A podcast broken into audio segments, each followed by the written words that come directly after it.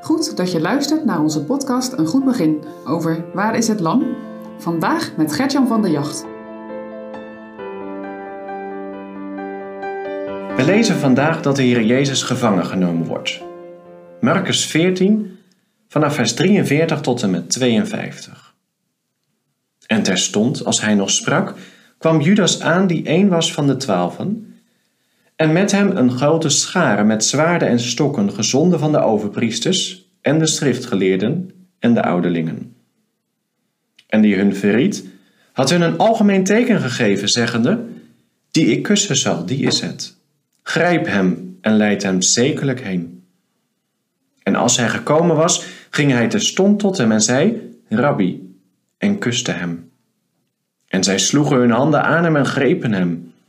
En een dergenen die daarbij stonden, het zwaard trekkende, sloeg de dienstknecht van de hoge priester en hief hem zijn oren af. En Jezus antwoordende, zei tot hen, Zijt gij uitgegaan met zwaarden en stokken als tegen een moordenaar om mij te vangen? Dagelijks was ik bij u in de tempel lerende, en gij hebt mij niet gegrepen. Maar dit geschiet, opdat de schriften vervuld zouden worden. En zij, hem verlatende zijn alle gevloden. En een zeker jongeling volgde hem, hebbende een lijnwaad omgedaan over het naakte lijf, en de jongelingen grepen hem, en hij, het lijnwaad verlatende, is naakt van hem gevloden. Misschien heb je het wel eens gehoord. Die man, die is van zijn bed gelicht. Het wil zeggen dat iemand is aangehouden. En soms gebeurt dat s'nachts. Ik heb me laten vertellen dat het gebeurt bij ernstige overtredingen. In ieder geval doet deze geschiedenis mij daaraan denken. En het is wel duidelijk dat niet vanwege de ernstige overtreding van Jezus, want die was er niet. Er komt een bende van soldaten met zwaarden en stokken om Jezus te arresteren. En denk eens heel even met mij terug. Judas was ontmaskerd als verrader. De discipelen slaan op de vlucht. En God de Vader verlaat zijn zoon. De overpriesters, schriftgeleerden en ouderlingen willen hem doden. En morgen komt daar de haat van het volk nog bovenop. Niemand, nee, niemand was met hem. Straks hangt hij letterlijk en figuurlijk tussen hemel en aarde. We begonnen deze week met de viering van Pascha, wat begon met de maaltijd. Het feest wat al de Joden vierden. En waarschijnlijk ook al die mensen die ik net noemde. Ze vierden het en keken daarbij uit naar de Messias die komen zou. Toch bleek hij niet welkom te zijn. Haat tegenover vrede. En wat doet Jezus zelf?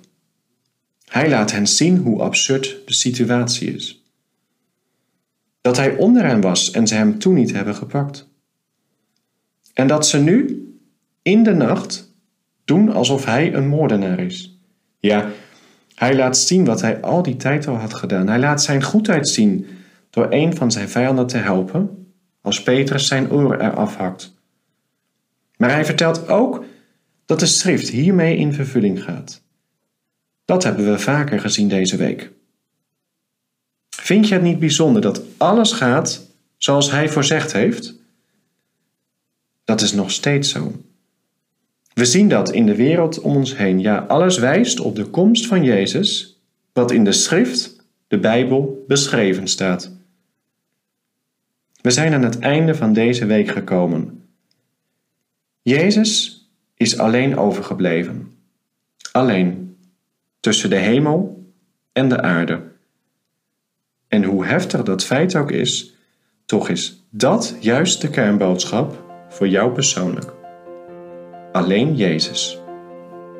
Maandag vertelde ik dat deze geschiedenis een keerpunt is.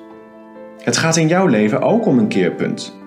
Van dood levend, je kent die uitdrukking wel. Bid erom. Want wie bidt, die ontvangt.